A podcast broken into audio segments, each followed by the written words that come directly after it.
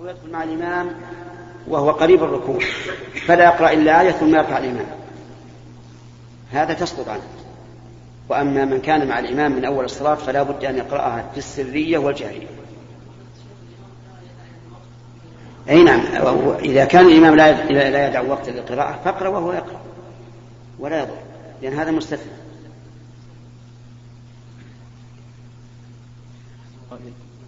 هل النظر إلى السماء في الصلاة مبطل لها؟ وما وجه صحة ذكر بعض الأصحاب؟ أن وذكره صاحب الإنصاف أنه يجوز النظر إلى السماء عند التجشم. إيش؟ عند التجشم نعم. أن رفع البصر إلى السماء في الصلاة والإنسان يصلي. ثبت النهي عنه والتشديد فيه.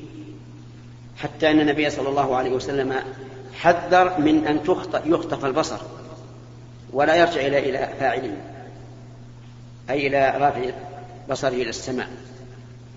وهذا الحديث يدل على أن رفع البصر إلى السماء في الصلاة محرم. وإذا طبقناه على القواعد المعروفة عند الفقهاء لزم من ذلك أن يكون أن تكون صلاته باطلة. لأن هذا منهي عنه في الصلاة بخصوصها. والشيء المنهي عنه في العبادة بخصوصها يقتضي بطلانها. وإلى هذا ذهبت الظاهرية. وقالوا إن رفع البصر إلى السماء في الصلاة مبطل لها. وقولهم ليس بعيدا من الصحة. لأنه نهي صريح. وأما استثناء بعض العلماء ذلك عند التجشي فإن فإنما فعلوا هذا قالوا لأن المتجشي تخرج منه رائحة كريهة في الغالب. فينبغي أن يرفع أن يرفع وجهه لئلا يؤذي من حوله من المصلين. لكن هذا الاستثناء فيه نظر. أولا أن المتجشي في الصف وجهه ليس إلى اليمين ولا إلى الشمال إلى إلى الأمام فلن يؤذي أحدا الثاني إذا رفع وجهه إلى السماء عند التجشي قد يكون قصيرا. فيؤذي؟ إيش؟ يؤذي الطوال. وما أكثر الطوال اللي يكون عنده قصار في الصلاة. فعلى كل حال هذا الاستثناء لما لم يكن عليه دليل من الشرع صار منخرما. غير مضطرب فالصواب أن رفع البصر إلى السماء محرم في حال الصلاة. لكن البطلان قد يتردد الإنسان فيه ولكن القول بالبطلان قوي جدا. نعم. أحسن الله إليك. ما تفعله؟ نحن الأصل. نعم. نحن الأصل. لأن نحن نجي نجلس من النساء اسمح لهذا ويجيك إن شاء الله. أقول ما تفعله بعض النساء من جمع شعر رؤوسهن على شكل كرة في مؤخرة الرأس. هل يدخل في الوعيد نساء كاسيات عاريات رؤوسهن كاسية البخت؟ أما جمع المرأة رأسها للشغل ثم بعد ذلك ترده فهذا لا يقع لأنها لا تفعل هذا زينة ولا تجملا لكن للحاجة. وأما رفعه وجمعه على سبيل التزين فإن كان إلى فوق فهو داخل في النهي. لقوله صلى الله عليه وسلم رؤوسهن كأسنمة البخت والسنام يكون فوق. وإن كان على الرقبة فليس داخلا. لكنه يحذر منه إذا كانت المرأة تريد أن تخرج إلى السوق. فإن إذا خرجت إلى السوق وجمعته على رقبتها برز من من من وراء العباءة فلفت النظر فتنهى عنه إذا أرادت الخروج إلى السوق. نعم؟ لا هذه تنهى عنه. اليمين. بارك الله فيك. في سورة الشعراء كما ذكر الله حصل الانبياء قوم صالح قال كذبت قوم نوح المرسلين إذ قال لهم أخوهم نوح. وبعدهم قوم عاد اخوهم هود. هود. وبعدهم قوم صالح قوم صالح. وقوم لوط أخوهم لوط. وعندما وصل قصة شعيب إذ قال له شعيب وقال له شعيب نفس وأخوه وفي آية أخرى في الأعراف وإلى مدينة أخاهم شعيب. وسبب ذلك أن أصحاب الظلة هؤلاء أنهم أصحاب الأيكة غير قومه. فلهذا لم يقل أخاهم. أما الآخرون فهم إلى أقوامهم. فقيل أخاهم أخاهم في النسب وليس في الدين. هذا هو الفرق. أحسن الله إليك يا شيخ. بالنسبة ل وش رأيك رأيكم يا جماعة؟ الآن الأخ أورد عليه عندي إشكال. يقول إن الأولين اللي على الجوانب أولى. لأن اللي على الوسط جاءوا أخيرا. نعم؟ قوله وجيه أنا, أنا عندي أن قوله وجيه.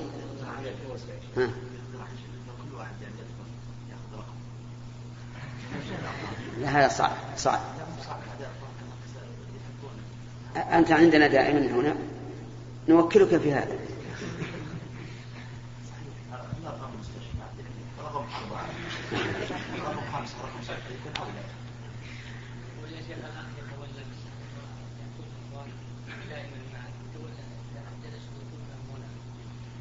في صعوبة ولا ودنا بالتشدد. نعم. فيه صعوبة وأنا ما ودي ودي الأمور تجي على طبيعتها.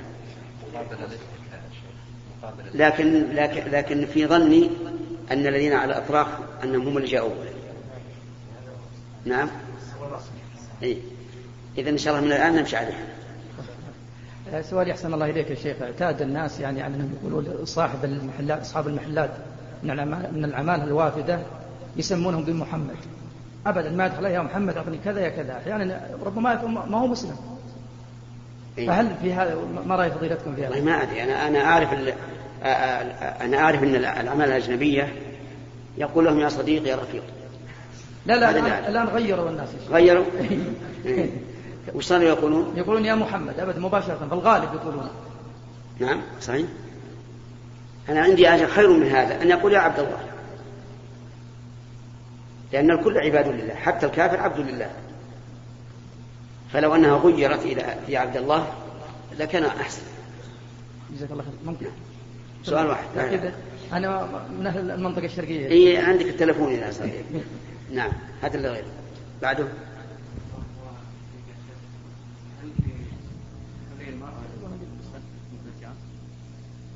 القول الراجح من أقوال العلماء أن حلي المرأة المستعمل والمعار والمتخذ للحاجة متى احتاجت باعت منه وأنفقت والمعد للأجرة كل ذلك تجب فيه الزكاة لعموم الأدلة بل لخصوص الأدلة في ذلك فإنه في حديث عمرو بن شعيب عن أبيه عن جده أن امرأة أتت إلى النبي صلى الله عليه وعلى آله وسلم وقالت وفي يد ابنتها مسكتان غليظتان من ذهب يعني سوارين فقال أتؤدين زكاة هذا؟ قال قالت لا. قال أيسرك أن يسورك الله بهما سوارين من نار؟ يعني إن لم تخرج الزكاة.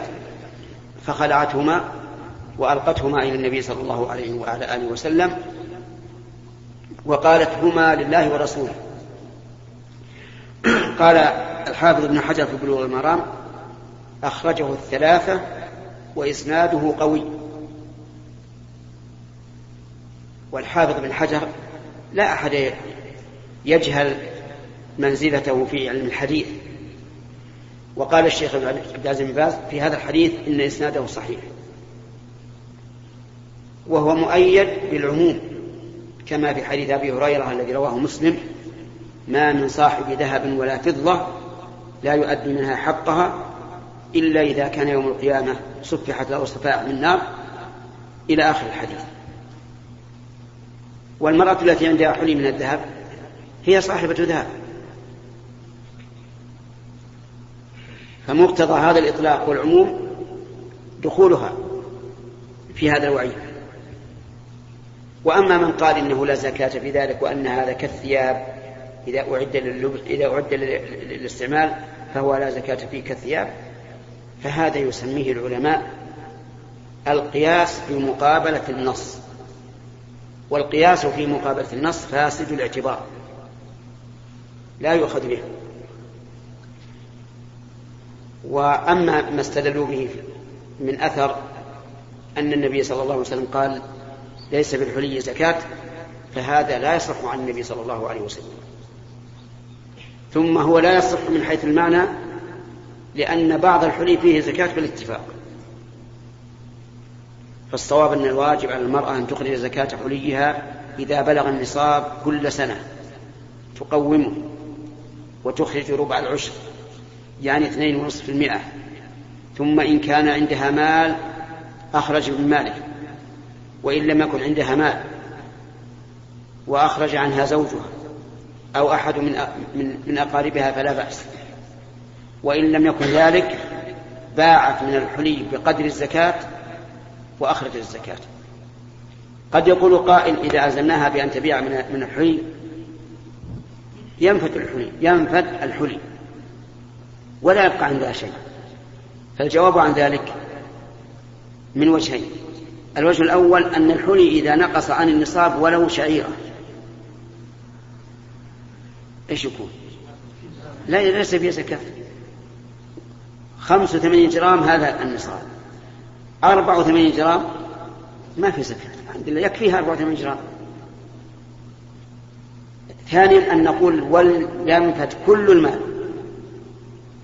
فأي فرق بين الحلي وبين وبين الدراهم؟ حتى الدراهم إذا كان عند الإنسان دراهم وقلنا أخذ زكاتها كل سنة وصارت الزكاة تنقصها تنقصها تنقصها حتى لو فرضنا ذهبت الدراهم كلها. أي فرق بين هذا وهذا؟ ثم إننا نبشر المرأة التي تخرج زكاتها أنه كما قال النبي عليه الصلاة والسلام ما نقصت صدقة من مال. وأن الله تعالى ربما ينزل لها البركة في هذا الحلي فيمنعه من الآفات. ومن الضياع وإلا فقد تبتلى المرأة بضياع حليها أو سرقته أو تعينه لأحد وينكر أو ما أشبه ذلك. ثم إذا أدت الصدقات عن هذا الحلي, فإنه سيكون ظلا لها يوم القيامة. لقول النبي صلى الله عليه وسلم كل امرئ في ظل صدقته يوم القيامة. فالحمد لله هي غانمة وليست بغارمة. هي قد أبرأت ذمتها بيقين إذا أدت الزكاة مستريحة. نعم.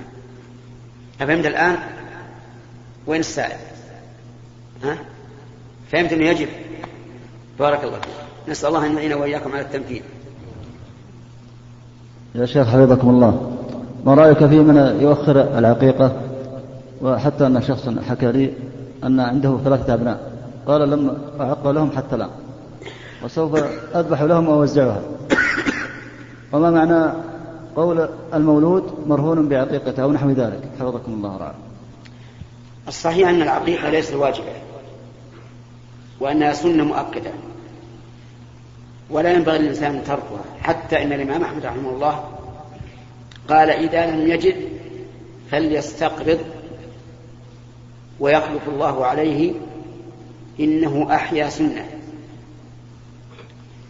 لكن قول الإمام أحمد فليستقرض مقيد بما إذا كان يرجو الوفاء يرجو الوفاء. كإنسان حلت عليه العقيقة وهو ما عنده دراهم لكن يعرف في آخر الشهر سيأتيه الراتب. هذا نقول استقرض واذبح العقيقة في وقتها في اليوم السابع. أما الإنسان الذي لا يرجو الوفاء فلا يستقرض لأن العقيقة السنة والدين واجب قضاؤه أما من أخرها بلا عذر وكان من نيته أن يفعل لكن تهاون فهذا إن شاء الله يؤجر عليها لكن أجرها أقل من ذبحها في وقتها وهو اليوم السابع من ولادته. فإذا ولد الإنسان فإذا ولد الإنسان في يوم الأربعاء تكون العقيقة متى؟ يوم الثلاث. وهذه قاعدة. في اليوم الذي قبل ولادته تكون العقيقة. إن ولد يوم الأربعاء فالعقيقة يوم الثلاثاء إن ولد يوم الثلاثاء فالعقيقة يوم الاثنين. إن ولد يوم الاثنين فالعقيقة يوم الأحد. وهذا مجرد. ما أما التوزيع فالأفضل أن يوزعها ويدعو إليها. يوزع البعض على الفقراء وعلى الجيران ويدعو حتى يظهر السنة وتتبين السنة. نعم. معنى المرتهن بعقيقته قال بعض أهل العلم إنه مرتهن بالش... لا يشفع لولده يوم القيامة. ولكن ابن القيم ضعف هذا القول. وقال مرتهن أنه يكون منحبسا منقبضا. قد يفوت الكثير من المصالح. لأن المرتهن أشياء المحبوس. كما لو رهنت مثلا السيارة عند الدائن يعني انحبست انحبست عنك مصلحتها. نعم. قال صلى الله عليه وسلم إن القبر فلو فمن نجا منها لو نجا منها أحد لنجا منها سعد بن معاذ. هذا الحديث مشهور عند العلماء. مشهور عند العلماء وعلى تقدير صحته فإن ضمة الأرض للمؤمن ضمة رحمة وشفقة. كالأم تضم ولدها إلى صدرها. أما ضمتها للكافر فهي ضمة عذاب والعياذ بالله. فإن النبي صلى الله عليه وسلم أخبر أن الإنسان إذا دفن أتاه ملكان يسألانه عن ثلاثة أصول من ربك وما دينك ومن نبيك. فالمؤمن يقول ربي الله ودين الإسلام ونبي محمد. أسأل الله تعالى أن يجعل جوابي وجوابكم هذا. أما المنافق والعياذ بالله أو المرتاب أعاذنا الله وإياكم من هذا فيقول ها ها لا أدري. سمعت الناس يقولون قولا فقلت. فيضيق عليه القبر حتى تختلف أضلاعه والعياذ بالله. يدخل بعضه في بعض من شدة الضم. ففرق بين ضم الأرض للكافر أو المرتاب وضمها للمؤمن. لأن سعد بن معاذ أخبر النبي عليه الصلاة والسلام أنه اهتز عرش الله تعالى لموته. كما قال حسان بن ثابت وما اهتز عرش الله من أجل هالك سمعنا به إلا لسعد أبي عمرو. وسعد بن معاذ رضي الله عنه له المقامات العظيمة. فإنه كان سيد الأوس وكان حلفاؤه بني قريظة. ولما استسلم بنو قريظة على أن ينزلوا على حكم سعد بن معاذ ظنا منهم أن يكون سعد بن معاذ مثل رأس المنافقين عبد الله بن أبي الذي أمن حلفاءه من اليهود. قالوا نرغب سعد بن معاذ وكان سعد بن معاذ رضي الله عنه قد أصيب في أكحله في غزوة الخندق. فضرب له النبي صلى الله عليه وسلم خيمة في المسجد ليعوده من قريب لأنه آه، غال عند النبي عليه الصلاة والسلام. فقال سعد رضي الله عنه اللهم لا تقبض روحي حتى تقر عيني ببني قريظة. رضي الله عنه. فلما رضوا بحكمه عن اليهود أرسل النبي عليه الصلاة والسلام إليه وجيء به من المسجد النبوي على حمار. ولما أقبل قال النبي صلى الله عليه وسلم للصحابة قوموا إلى سيدكم. فقاموا إليه وأنزلوه من الحمار ثم جلس للمحاكمة. لما جلس والنبي عليه الصلاة والسلام والصحابة على يمينه وقريضة عن يساره قال حكم نافذ على هؤلاء؟ يشير إلى بني قريظة قالوا نعم حكمك نافذ. فقال وعلى هؤلاء ويشير وهو قد غض بصره احتراما للرسول صلى الله عليه وسلم. قالوا نعم. فقال أحكم. بأن تقتل مقاتلتهم وتغنم أموالهم وتسبى ذريتهم. حكم صارم مع أنهم هم إيش؟ حلفاء. لكنه حكم بما يرضي الله عز وجل. فقال النبي صلى الله عليه وعلى آله وسلم لقد حكمت فيهم بحكم الله من فوق سبع سماوات. ونفذ فيهم هذا الحكم وقتلهم في المدينة قتل نحو سبعمائة رجل من اليهود. ثم بعد ذلك انبعث الدم من العرق في سعد بن معاذ وتوفي. سبحان الله. استجاب الله دعاءه فلم يمت حتى أقر الله عينه ببني قريظة ورجعوا إلى حكمه. فلهذا قال لو إن صح الحديث لو نجا منها شيء أحد لنجا منها سعد بن معاذ. وإلى هنا انتهى هذا اللقاء وإلى اللقاء القادم إن شاء الله وسبحانك اللهم وبحمدك أشهد أن لا إله إلا أنت أستغفرك وأتوب إليك. وهذا يعتبر ردا لتحية الجميع من أجل أن لا نتأخر عن صلاة الظهر.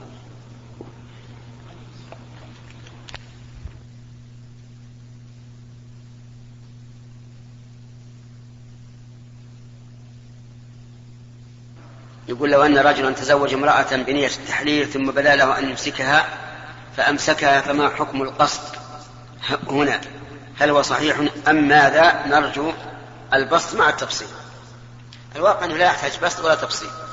إنما الأعمال بالنيات وإنما لكل امرئ ما نوى وهذا العقد صحيح باطل ولا تصح للزوج الأول ويجب على الثاني أن يفارقها ثم إن اشتاء أن يتزوجها بعد ذلك بعقد صحيح صح سمعت يا حجاج يقول هذا لا يصح النكاح ولا يحتاج تفصيل ولا شيء. أنت يقول إذا وقع على النعل بولا بعد الوضوء فهل ينتقد فهل ينتقد الوضوء؟ الجواب لا ينتقد لكن إن أصاب قدمه وجب عليه أن يغسله. تطهيرا لنجاسته. أما الوضوء فصحيح. إلا إذا كان البول من المتوضي نفسه فهو ينتقد وضوءه بالبول.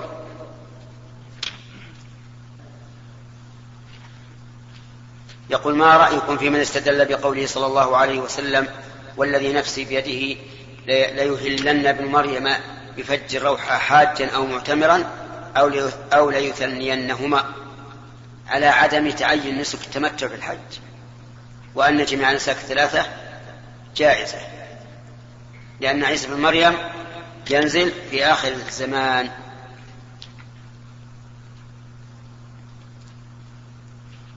يحتاج إلى تأمل لأن قول حاجا أو معتمرا أو لا يثنيناهما يدل على جواز الثلاثة لكنها تحتاج إلى تأمل.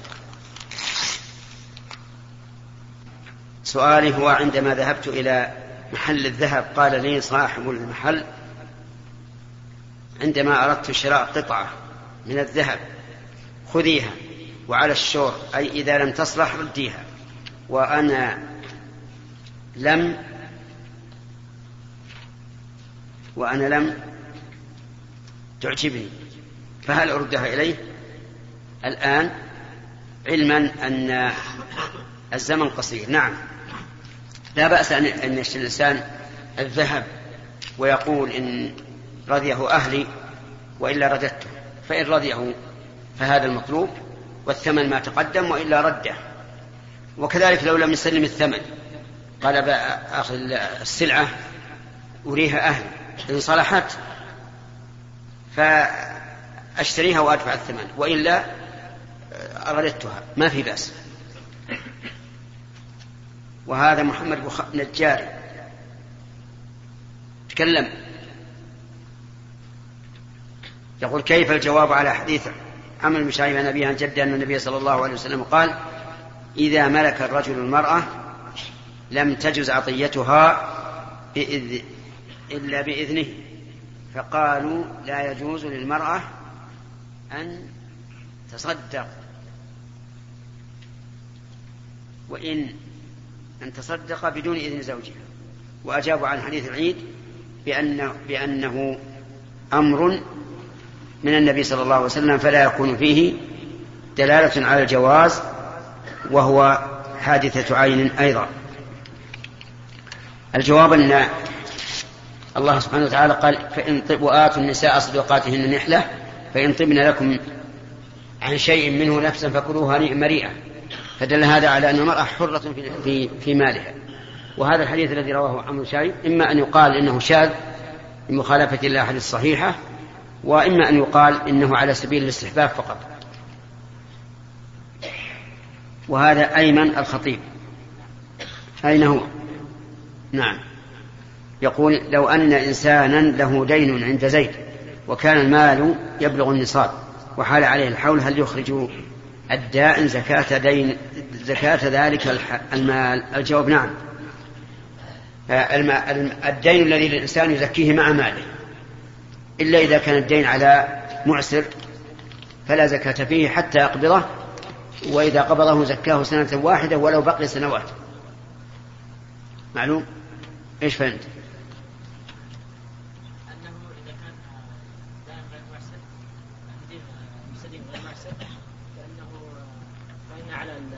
يزكيه دائما مع ماله يزكيه مع ماله وإذا كان معسرا فإنه إذا قبض إذا قبضه زكاه لسنوات ولو كان بقي سنوات ما يضر. طيب. موجود. يقول القاعدة أن قضايا الأعيان لا تبنى عليها الأحكام الشرعية وكثير من الآيات والأحاديث كان سببها أعيان. فكيف التفريق بين قضايا الأعيان التي تبنى عليها الأحكام وغيرها؟ هذا غلط. قضايا الأعيان ليس لها عموم فقط. يعني ما يؤخذ بعمومها لأنها قد يكون لها أسباب خاصة غير معلومة. وأما أما السبب فالعبرة بعموم اللفظ لا بعموم لا بخصوص السبب. تنزل آية مثلا على سبب معين فالعبرة بعموم لفظها. ويكون صورة السبب قطعية الدخول. لكن لو حصل مثل فعل من الأفعال هذه يسمونها قضايا الأعيان. تخالف مثل نصا عاما أو ما أشبه ذلك فيقال هذه لا عموم لها. وهذا نعم بارك الله فيك. يقول رجل صلى الفريضة منفردا ثم وجد جماعة فصلى معهم فهل له ذلك؟ فهل له بذلك 27 درجة؟ لا ليس له ذلك. لأن صلاته الأولى هي الفريضة. كما قال النبي عليه الصلاة والسلام إذا صليتما في رحالكما ثم أتيتما مسجد الجماعة فصليا معهم فإنها لكما أي الثانية نافلة. وهذا أحمد الفيل أين هو؟ طيب. يقول ما رأيك في شباب كانوا في رحلة ومنهم طلبة علم وكانوا يقصرون الصلاة ومدة ومدة ما يقصرون ومرة ومرة. إيه مرة. يمكن الليلة هذه صارت الرداء. نعم. يقول ومرة ما يقصرون ما يقصرون. وسألوه وسألوه عن ذلك فقال حتى لا يظن البعض أنه واجب يعني أن القصر واجب أو أن الإتمام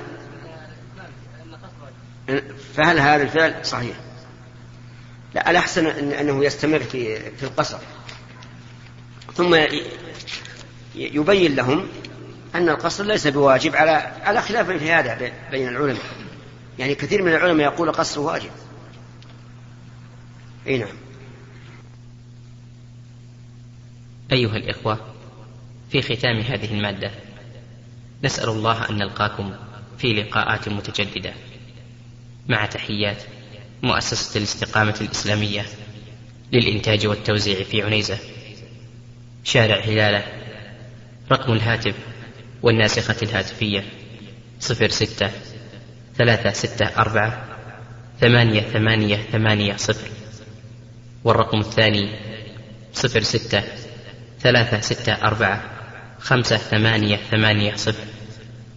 ورقم صندوق البريد اثنان وخمسمائة وألف.